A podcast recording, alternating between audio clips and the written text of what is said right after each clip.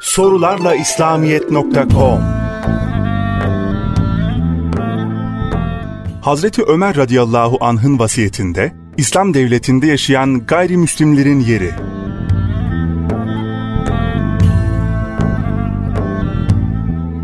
Hazreti Ömer, Huzeyfe bin El-Yaman ve Osman bin Huneyf'i Irak'a görevli olarak gönderiyor.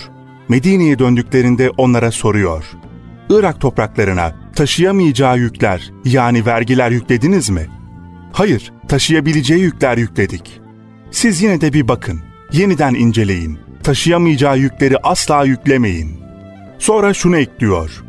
Allah bana selamet lütfederse Irak'ın dul kadınlarını benden sonra kimseye muhtaç olmayacakları bir duruma getireceğim.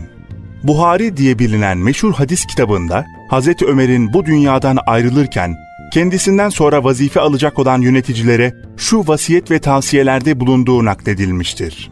Kendisini metheden ve önce peygamberimizin önde gelen asabından olmak, sonra halife olup ülkeyi adaletle yönetmek ve sonra da şehitlik mertebesinden dolayı sana müjdeler olsun diyen bir gence, lehimde de aleyhimde de olmadan bu işin içinden sıyrılmışsam bana ne mutlu dedikten sonra o gencin elbisesinin etekleri yerde süründüğünü görünce evladım eteklerini biraz kısalt.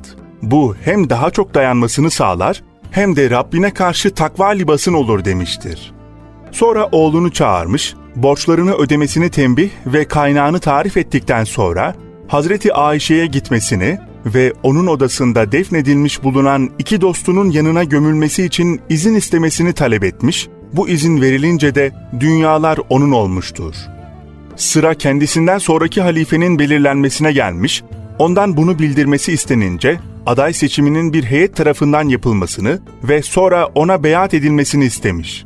Heyeti de Ali, Osman, Talha, Zübeyir, Sa'd bin Ebi Vakkas, Abdurrahman ve oğlu Abdullah Allah cümlesinden razı olsun olarak tayin etmiş ama oğlu Abdullah'ın halife seçilmemesini, yalnızca danışmaya katılmasını şart koşmuştur. Kendisinden sonra seçilecek olan halifeye de şu tavsiyelerde bulunmuştur. İlk muacirlerin hakları korunmalı ve onlara saygıda kusur edilmemelidir. Bize kucak açan ve hakkıyla iman etmiş bulunan ensara, Medine yerlilerine iyi davranılmalı, iyi işleri kabul edilmeli, kusurları da bağışlanmalıdır. Şehirlerde yaşayanlar İslam'ın gücü, servet kaynağı ve düşmanın öfke sebebidirler. Onlara iyi davranılmalı, vergiler mallarının fazlasından gönül hoşluklarıyla alınmalıdır. Kırsalda yaşayanlar Arapların kökü ve İslam'ın gövdesidir. Onların da mallarının ortasından değil, kıyısından alınmalı ve yoksullarına dağıtılmalıdır.'' Allah'ın ve Resulünün himayelerinde olan ehli zimmete yani İslam ülkesi tebaası olan gayrimüslimlere verilen söze, yapılan antlaşmaya sadık kalınmalı, onları korumak için gerekirse savaşılmalı, güçlerini aşan bir yükümlülük yüklenmemelidir.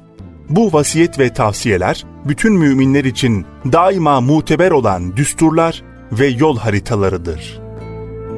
Sorularla İslamiyet.com